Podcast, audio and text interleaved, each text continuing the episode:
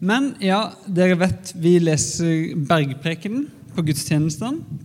De siste to gangene så har overskriftene vært 'Vår Far i himmelen', som handla om å utvikle dette tillitsforholdet til Gud i bønn, inspirert av Jesus. Og så var det 'Skatter også i himmelen', som handler om å stole på at denne far vi har i himmelen, som ser oss i det skjulte, han vil også lønne oss i det skjulte og sørge for, eh, for at ja, det lønner seg å leve sammen med han. Og I dag så flytter vi oss fra himmelen og ned på jorda, og temaet er bekymringer på jorda. Eh, er du en som har lett for å bekymre deg?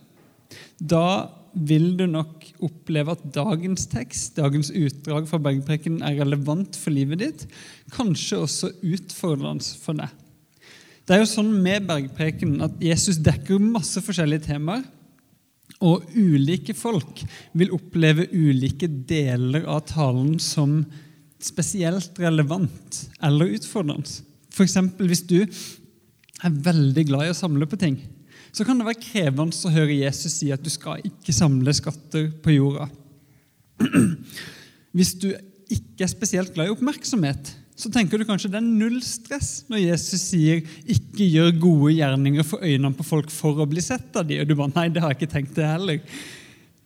Hvis du sier jeg er blitt avhengig av porno, så er det ganske tøft å høre Jesus si 'du skal ikke se på en kvinne for å begjære henne. Og så kan det være frigjørende å høre han si det, også en hjelp ut av det du sitter fast i. Eller hvis du ikke egentlig syns det er så veldig eh, Du er ikke en person som dømmer andre så lett. Så, så trekker du på skuldrene og sier ja, ja, selvfølgelig, når Jesus sier at du ikke skal dømme din neste. Ulike avsnitt utfordrer ulike personer. Ulike avsnitt er lette for ulike personer. Så får vi se da hvordan det er for deg å høre disse ordene Jesus skal si i bergprekenen i dag om bekymringer. Jeg ber en bønn før vi går til teksten. Jesus, takk for ditt ord. Takk for Bibelen som gjør at vi kan lese om hva du gjorde, og hva du sa til oss. Jeg ber om at du må Eh, fylle oss med din ånd, eh, sånn at ordet vi får høre, blir liv. Hjelp oss å ta imot ordene som er til oss. Eh, takk for at du gir oss disse ordene i kjærlighet. Amen. Så nå leser jeg et lengre stykke, så jeg foreslår at du bare puster godt inn, puster ut, senker skuldrene og tar disse ordene imot. Ingen kan tjene to herrer. Han vil hate den ene og elske den andre. Eller holde seg til den ene og forakte den andre. Dere kan ikke tjene både Gud og mammon, altså rikdom.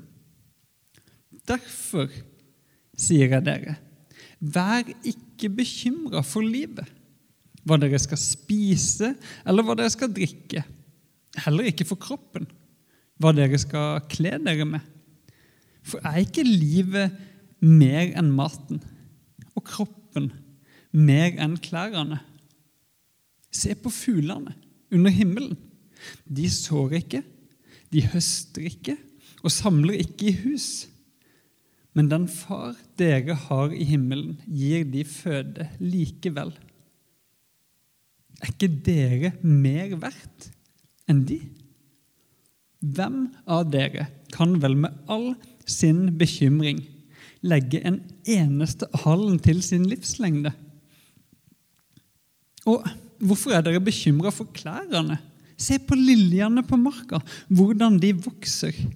De strever ikke og spinner ikke, men jeg sier dere selv, ikke Salomo, i all sin prakt, var kledd som en av de. Når Gud kler gresset på marken så fint, det som gror i dag og kastes i ovnen i morgen, hvor mye mer skal han ikke da kle dere, dere lite troende? Så gjør dere ikke bekymringer. Og si ikke 'hva skal vi spise', eller 'hva skal vi drikke', eller 'hva skal vi kle oss med'? Alt dette er jo hedningene opptatt av. Men den far dere har i himmelen, vet jo at dere trenger alt dette. Søk først Guds rike og hans rettferdighet, så skal dere få alt dette andre i tillegg. Så gjør dere ingen bekymringer for morgendagen. Nei, gjør dere ingen bekymringer for morgendagen. Morgendagen skal bekymre seg for seg sjøl. Hver dag har nok med sin egen plage.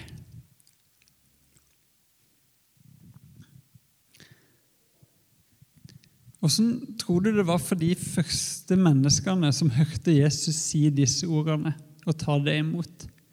Altså For det første sto han jo ute og kunne peke på liljene på marka.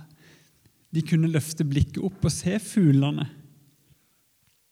Og så har de en helt annen livssituasjon enn oss. De Jesus snakka til her, mange av de levde fra hånd til munn. Det var fattige mennesker. Det var bønder, fiskere, dagarbeidere. Noen av de hadde til og med forlatt alt de hadde for å følge Jesus, og hadde egentlig ingenting. Og så sier han til de, 'Slapp av, folkens. Dere må ikke bekymre dere sånn. Dere har så lite tro.' Og åssen er det for oss å høre disse ordene i dag? Vi som lever i overflod, i alle fall sammenligna med de Jesus snakka til her, men som likevel bekymrer oss for husleia, for eksamen, for boligmarkedet, for kjærlighetslivet, for krigene som herjer i verden nå. Vi som går og bekymrer oss for, for åssen folk oppfatter oss. Hvordan er det for oss å høre Jesus si 'ikke bekymre dere'? Hvordan er det for deg? Og hvordan er det for meg? Det kan jeg godt svare på. Jeg snakka med noen rundt bordet her i stad om at til sånne temaer, så, til dette temaet så føler jeg meg som det mest kvalifiserte mennesket til å snakke om det, og det minst kvalifiserte mennesket. Fordi jeg bekymrer meg veldig lett for ting. Jeg kan ligge og gruble på ting så jeg ikke får sove. Jeg gjorde vel det natt til i dag. liksom. Eh, så jeg er en autoritet på det fordi jeg har jobba mye med det. Ikke fordi jeg får det til. ja, Jeg skal ikke kalle meg en autoritet, men, men jeg tenker jeg har noe å dele om det pga. det. Og Når jeg hører Jesus si disse ordene og tar disse ordene imot som om han står her og snakker til meg, så kan det skje to ting med meg. Enten så føles det bare fantastisk for en urolig sjel å høre disse ordene. Det treffer en nerve. Det hjelper meg å senke skuldrene. Jeg puster med magen og blir minnet om at ja, jeg kan stole på Gud. Eller så opplever jeg det bare som så utrolig provoserende. Hva mener du, Jesus? Ikke bekymre deg. Ja, Det er jo lettere sagt enn gjort. Se på fuglene, sier du. Ja, jeg ser de. De faller stadig vekk til jorda og dør. de. Det lå en død fugl utenfor leiligheten vår for noen dager siden. Og ikke bare fugler dør, mennesker dør. Mennesker fryser, mennesker sulter. Det er krig akkurat nå, og så sier du 'ikke bekymre deg'. Altså, Jesus kan nesten virke litt sånn naiv. Dum. Ja, det er Bare ikke bekymre deg. Men jeg tror ikke Jesus er dum eller naiv. Tvert imot. Altså, Han er jo Guds sønn. Og det vi lærer i bergpreken, er jo visdomslære til hvordan vi kan leve godt i denne verden. Jesus er det klokeste, mest intelligente mennesket som noen gang har levd, sier Dallas Willard i sin bok om bergpreken. Jesus ser bekymringa vår, og så har han lyst til å vise oss en bedre vei. Men likevel det lugger litt for meg og Jeg kan noen ganger også oppleve Jesus som litt sånn anklagende i møte med mine følelser, mine reelle bekymringer, min angst. Som om det ikke er plass for det, som om dette ikke er lov. Han sier 'ikke bekymre deg'.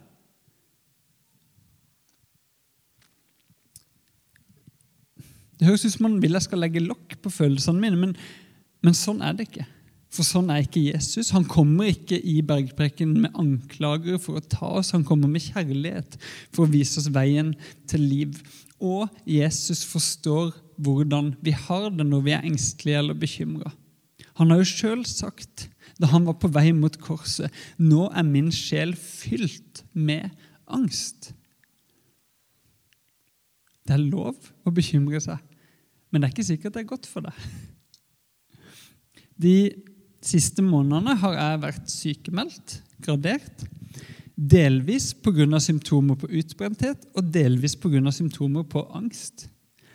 Eh, og så kommer Jesus og sier, 'Ikke bekymre deg'. Det jeg har lært denne høsten, er at det å bekymre seg er ikke en sånn bryter du kan skru av og på. Dette er ikke en regel jeg kan velge å følge. Dette er noe jeg må jobbe med meg sjøl på. Dette er noe jeg kan vokse i. Og det er jo sånn jeg har prøvd å undervise deg om. Det er det, sånn hele bergprekenen er. Dette her er dydsetisk. Dette handler om hvordan du utvikler deg som menneske. Så når Jesus sier 'ikke bekymre deg', så er det ikke en regel du skal følge. det er ikke skjerp deg, Men dette her er noe jeg vil at du skal vokse i, sier Jesus. Dette kommer til å kreve tid og arbeid for noen, sånne som meg. Og det kommer til å kreve hjelp fra mennesker og fra Gud.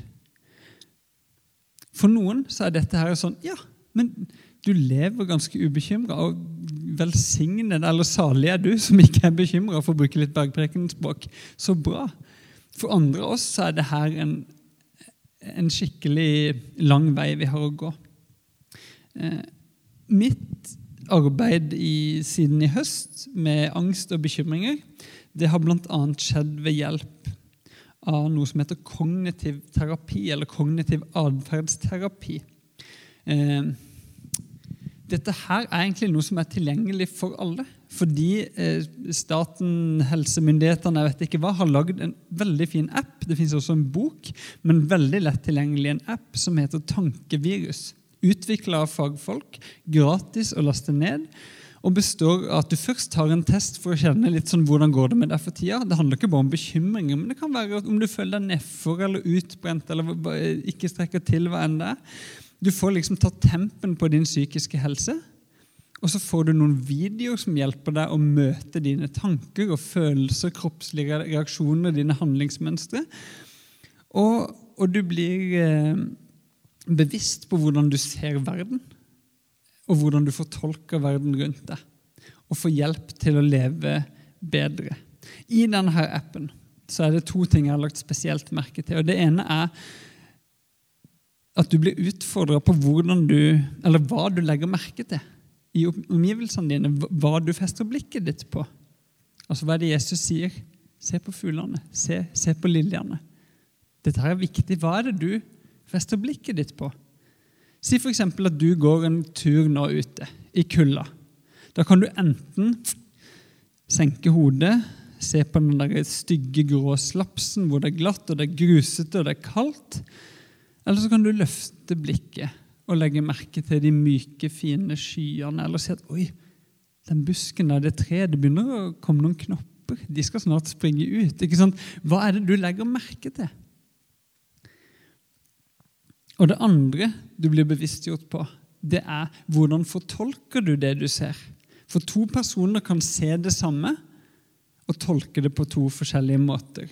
I denne, en av disse videoene i appen så er det et eksempel der det er noen som går forbi en nabo i gangen, i oppgangen sin, og så sier ikke naboen 'hei'. Ja, greit, du legger merke til det, men hvordan fortolker du det? Noen vil da umiddelbart tenke 'han liker meg ikke'. Han vil ikke snakke med meg. Men det fins vel noen andre mulige tolkninger også? Kanskje han var stressa, hadde dårlig tid? Kanskje han er sjenert? Kanskje han er litt forelska? Altså, det kan være så mange forskjellige ting. Det kan være mange grunner til at han ikke sa hei. Og Hvis du har en tendens til å tolke det du ser, eller hvis du er i en periode der du tolker det du ser, i en mest mulig negativ retning, og kanskje også låser det til at det må være sånn, så kan det være bra å utfordre de antakelsene og tolkningene litt. Still deg sjøl noen spørsmål. Er det sikkert at naboen ikke liker meg? Kan det være noen andre grunner til at han ikke sa hei? Er det noen andre muligheter?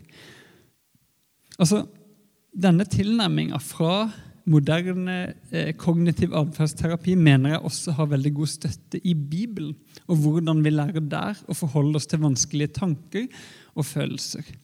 For et par år siden her i kirka så hadde vi en undervisningsserie fra Salmenes bok. Vi kalte den for Ærlig talt.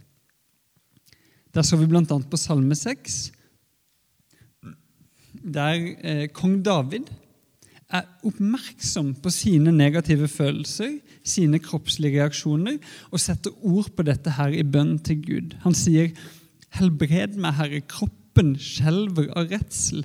Min sjel er grepet av frykt.' Så han er oppmerksom på de negative følelsene sine, gir de til Gud. Vi ser så også på Salme 42 der salmisten både beskriver disse vanskelige følelsene og begynner å utfordre dem, få inn noen andre perspektiv. Han snakker til seg sjøl og sier, 'Hvorfor er du tynga av sorg, min sjel? Hvorfor er du urolig?' Og På denne måten tenker jeg vi også kan snakke til vårt indre. At jeg kan si, 'Eirik, hvorfor er du urolig nå? Hva er det som foregår? Hva trigger dette? Hva kan du gjøre med det her?' Du kan også gjøre det her. Snakke til deg sjøl, holde en vennlig dialog med deg sjøl. Det blir et jeg som snakker til et meg. Så, sånn er vi jo bygd opp. Bibelen viser oss det også. Eh, I denne appen Tankevirus anbefaler veldig å, å, å laste den ned og sjekke den ut, selv hvis du har det bra. for det er gode verktøy der. Så, så lager de en sånn dramatisering av hvordan en sånn indre dialog kan se ut. Og Da plasserte de eh, hos psykologen som presenterer det her, i Dagsnytt 18 der hun presenterer sine negative følelser, og så kommer det andre varianter av henne sjøl inn og får lov til å slippe til. Så jeg tenkte, bare for å eh, demonstrere, så har jeg lyst til å vise hvordan jeg har møtt min engstelse og bekymring bare i løpet av siste uka her ved å lage et sånn Dagsnytt 18-studio. Jeg håper jeg klarer å gjøre det på en måte som gjør at jeg klarer å følge med. Eh, men jeg har flere ganger i det siste lytta til mine egne bekymringer, og så har jeg utfordra de, sluppet inn noen andre perspektiv. Så tidligere denne uka så skjedde det her. Velkommen til Dagsnytt 18. I dag har vi besøk av Eirik Soldal. Eh, og Han advarer oss om en potensielt farlig og kjip situasjon som kan dukke opp. Eh, ja, ja, takk for at jeg får komme. Det, som er greia er at Sist gudstjeneste så var det veldig varmt her i, i kirka, så, så, jeg skrudde ned alle ovnene. Eh, ja, spør debattlederen, og du mener det er et problem? Eh, eh, ja, ja for, for, altså eh, Tenk om det var en grunn til at de sto på så høy varme. altså Kanskje noe skulle tørke nede? Eller, eller hva om det er sånn at når du tar i bruk et nytt bergvarmeanlegg, så må det liksom dras på Tenk om jeg har ødelagt det? Tenk, tenk, tenk om eh, ja. altså, Sånn kan jeg begynne å krisemaksimere. Ikke alltid, men plutselig så skjer det bare. Og Da er det fare for at jeg havner i en sånn katastrofetanke som setter i gang en sånn ond sirkel av, av grubling, og jeg blir liksom stiv i kroppen og, og alt mulig. Men det kan jo fort bli unyansert og lite konstruktivt. Jeg kan begynne å krangle med meg sjøl og prøve å presse tankene ned, men det, det, er ikke lurt, det heller. Jeg må, jeg må få lov til å sette ord på hva som bekymrer meg. Men som Jesus sier, da Er det nyttig? Hjelper det? Hvem av dere kan vel med all sin bekymring legge en eneste alen til sin livslengde? Så det man kan gjøre, da, er å slippe inn noen andre stemmer. Tilbake til Dagsnytt 18. Ja, eh, Dette høres jo eh, litt voldsomt ut, Eirik. Eh, ja, ja, ja, men det, det, kan jo gå ille. Altså, jeg, jeg, burde sikkert sende en melding til noen og, og, og få sjekka om vi burde skru opp. og ja, ellers så kan du jo la være. Vi har en annen gjest her i studio som mener at du burde gjøre akkurat det. Nå må jeg flytte meg. Dette her blir rotete, men det får vi prøve så godt vi kan. Ja, eh, Vi har også fått eh, besøk av Eirik Soldal. Nok en gang det er meg, ikke sant? Eh, ja, riktig. Jeg Eirik mener at Eirik her eh, han roter seg bort litt. Dette er jo ganske usannsynlig, det han sier. Altså Hvis det var noe problem med å skru ned anlegg i varmen, så hadde vi jo fått beskjed av det. Om det er de som har, har satt det opp for oss. Altså, la det ligge. Altså, Sånn kan en indre dialog se ut. Du trenger ikke å se for deg Dagsnytt 18. For meg så har det vært nyttig. Men det å slippe inn noen andre stemmer som, som er kanskje mer fornuftige, som er mer positive, som, som har noen andre vinkler, men også la bekymringa di få lov til å snakke. Når jeg får bekymringstanker, så kan det være godt å slippe andre stemmer inn.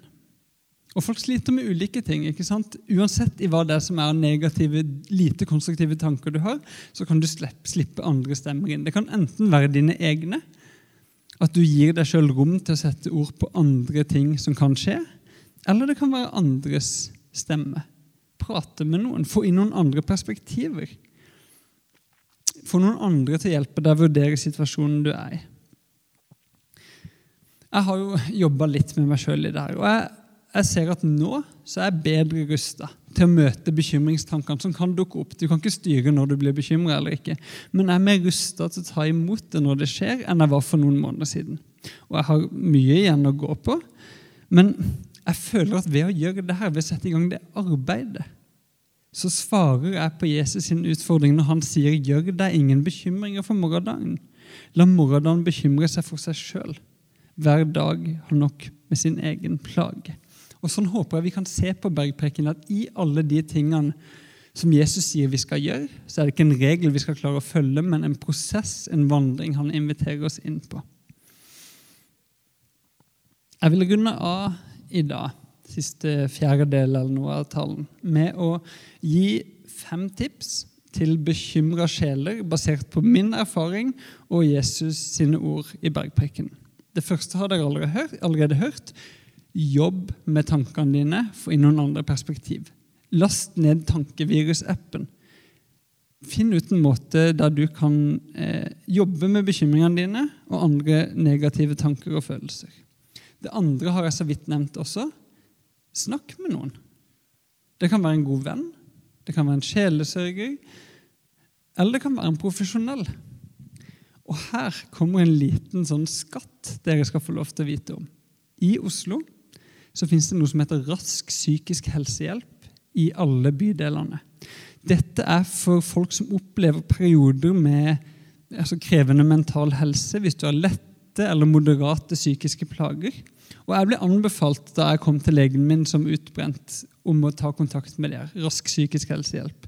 Tok en telefon, ble godt tatt imot. Eh, og fikk lov til å komme og gå til noen samtaler med kognitiv terapi, og også få et verktøy jeg kan følge på nett. Og de har for ulike ting, om du er hypokonder, eller om du er utbrent eller stressa eller bekymra, eller hva enn det er. Så har jeg gått der og fått hjelp til å håndtere tankene og følelsene mine. Eh, og hvis du er der at du går gjennom en kjip periode, eller kjenner noen som gjør det, tips om rask psykisk helsehjelp. Det er lavterskel, det er gratis. Det er rett og slett skikkelig bra.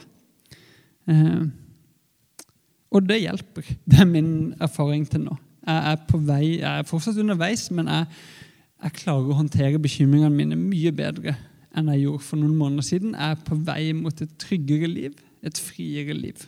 Og Det unner jeg meg sjøl, og det unner jeg alle andre også. Så tips én jobb med deg sjøl, gjerne med tankevirus. Tips to snakk med noen, gjerne med rask psykisk helsehjelp hvis du trenger det. Tips tre snakk med Gud. Jeg nevnte det i stad. Salmenes bok gir masse eksempler på at vi kan komme med alle våre tanker og snakke ærlig med Gud. Jesus gjorde dette sjøl. Både i Getsemanehagen, der han satte ord på denne angsten han hadde, og seinere der han ropte ut en bønn fra salmene da han hang på korset og sa Min Gud, min Gud, hvorfor har du forlatt meg? Hvorfor er du så langt borte når jeg trenger hjelp og skriker ut min nød? Det er lov til å komme til Gud med alt det vanskelige du har i deg, og Gud tar imot det. Så når Jesus sier 'bekymre deg ikke for morgendagen', så ber han deg ikke om å legge lokk på vanskelige tanker og følelser og smile anstrengt og si 'dette går bra'. Nei, han inviterer deg til å sette ord på bekymringene, ta de med til Gud. Stole på at Gud tar imot tankene dine, tar imot deg. For det gjør han. Og Han kan til og med komme til å løse noen av problemene dine når du kommer til han i bønn. Gjør dere ikke bekymringer. Si ikke 'hva skal vi spise', eller 'hva skal vi drikke', eller 'hva skal vi kle oss med'? Alt dette er hedningene opptatt av, men den far dere har i himmelen, vet jo at dere trenger alt dette. Tips nummer fire for bekymra sjeler kommer rett fra bergprekenen i dag. Jesus sier, 'Se på fuglene under himmelen og liljene på marka'. Og Det har jeg vel sagt her i kirka før. Jeg tror kanskje Jesus mente dette her helt konkret og bokstavelig. Se på fuglene. Se på liljene, se på blomstene. Kom deg nå ut i naturen. Se på alt det som Gud har skapt, det som Gud opprettholder. Det han har omsorg for. Når du går rundt i bymiljøet, så er du omringa av alt det som mennesker har gjort, og som mennesker opprettholder.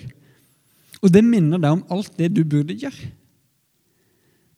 Men hvis du tar et steg ut i naturen, så blir du omringa av det Gud har gjort. Og det han opprettholder, det som du ikke kan gjøre. Få fuglene til å fly, få trærne og blomstene til å vokse. Det er Gud som gjør det. Og ja, det er kaldt og guffent nå. Og det er ikke alle som liker å gå på ski. Så det er ikke så lett for alle å komme seg ut i marka. Men det trenger ikke å være så avansert som det. Hva om du stopper opp ved en busk i morgen på vei fra jobb? En busk der det sitter litt småfugl. Og så hører du åssen de synger, og så ser du litt på åssen de beveger seg. Og så blir du værende der en stund og tar det litt inn. Jeg har sagt i en tale tidligere at forskere har regna på at du trenger ca. 0,1 sekund på å ta imot en negativ følelse eller erfaring. Så trenger du ca. 12 sekunder for at en god erfaring skal feste seg. Så det å stå på fuglene, tell til 12 i alle fall, og ta det inn og se hvor fin den fuglen er. Gud har skapt de fuglene du ser i busken ved T-banen. Han gir de liv og føde. Han har glede i de. Han er glad i de. Han er enda mer glad i deg. Du er mer verdt enn de. Og når du først står ved den busken, se på de knoppene som er der. Jo da, de er kanskje litt brune, grå og kjedelige nå, men husk at de er fulle av liv. Husk at snart skal de folde seg ut irrgrønt og bare Fylle deg med ro, med liv. Og hvis du er i en vanskelig periode, så tenk på at du òg kanskje er en sånn knopp som har en liten vinter, og så skal du få lov til å, til å blomstre igjen.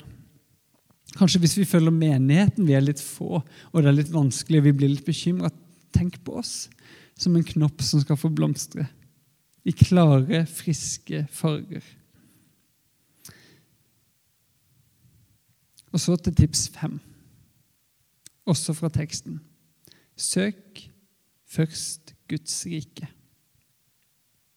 Jesus sier, 'Gjør dere ikke bekymringer.'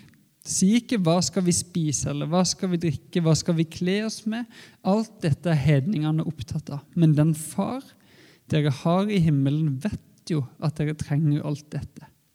Søk først Guds rike og hans rettferdighet, altså den måten å leve på som, som vises i bergprekenen, så skal dere få alt det andre i tillegg. Jeg tenker at hvis det viktigste for deg og meg blir Guds rike og hans rettferdighet, altså å kjenne Gud og følge Jesus og fylles av Ånden Hvis det viktigste for oss er å elske vår neste som oss sjøl, elske Gud Hvis vi blir oppslukt av det, da blir vi jo mindre opptatt av alle de andre tingene vi trenger her på jorda.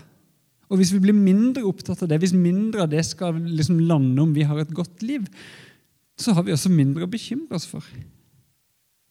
For altså Guds rike, Guds nåde, Guds kjærlighet, den kan ingen ta ifra deg. Du kan ikke miste det. Og tenk å ha et liv der du ikke kan miste det som er aller viktigst for deg. For en trygghet det er. Jeg kjenner jeg lengter etter et liv der jeg har det sånn. Og så vil en da kanskje også erfare at på en eller annen måte, i et eller annet nivå, så forsørger Gud ikke bare ånden din og det indre åndelige livet, men han forsørger også mat og klær og sted å bo, fordi han vet at du trenger også det. Så det var altså mine fem tips. Én jobb med deg sjøl, gjerne med tankevirusappen. To snakk med noen andre hvis det er en kjip periode du er i. Ring rask psykisk helsehjelp. Tre snakk ærlig med Gud om bekymringene dine. Fire kom deg ut i Guds skaperverk, se alt det han har skapt og holder oppe. Fem søk først Guds rike. Da får du mindre å bekymre deg for. Jesus er her nå. Bergpreken er en invitasjon til å følge han. Og nå ser han på oss med et vennlig blikk og sier, gjør dere ingen bekymringer for morgendagen. Morgendagen skal bekymre seg for seg selv, og hver dag har nok med sin egen plage. Vi skal få høre en sang som heter I'm Remembering, eh, som jeg liker å høre på for å senke skuldrene. og Det handler om å minne seg sjøl om alt det gode en har i Gud. Og så feirer vi nattverd etter det. Så senk skuldrene og lytt.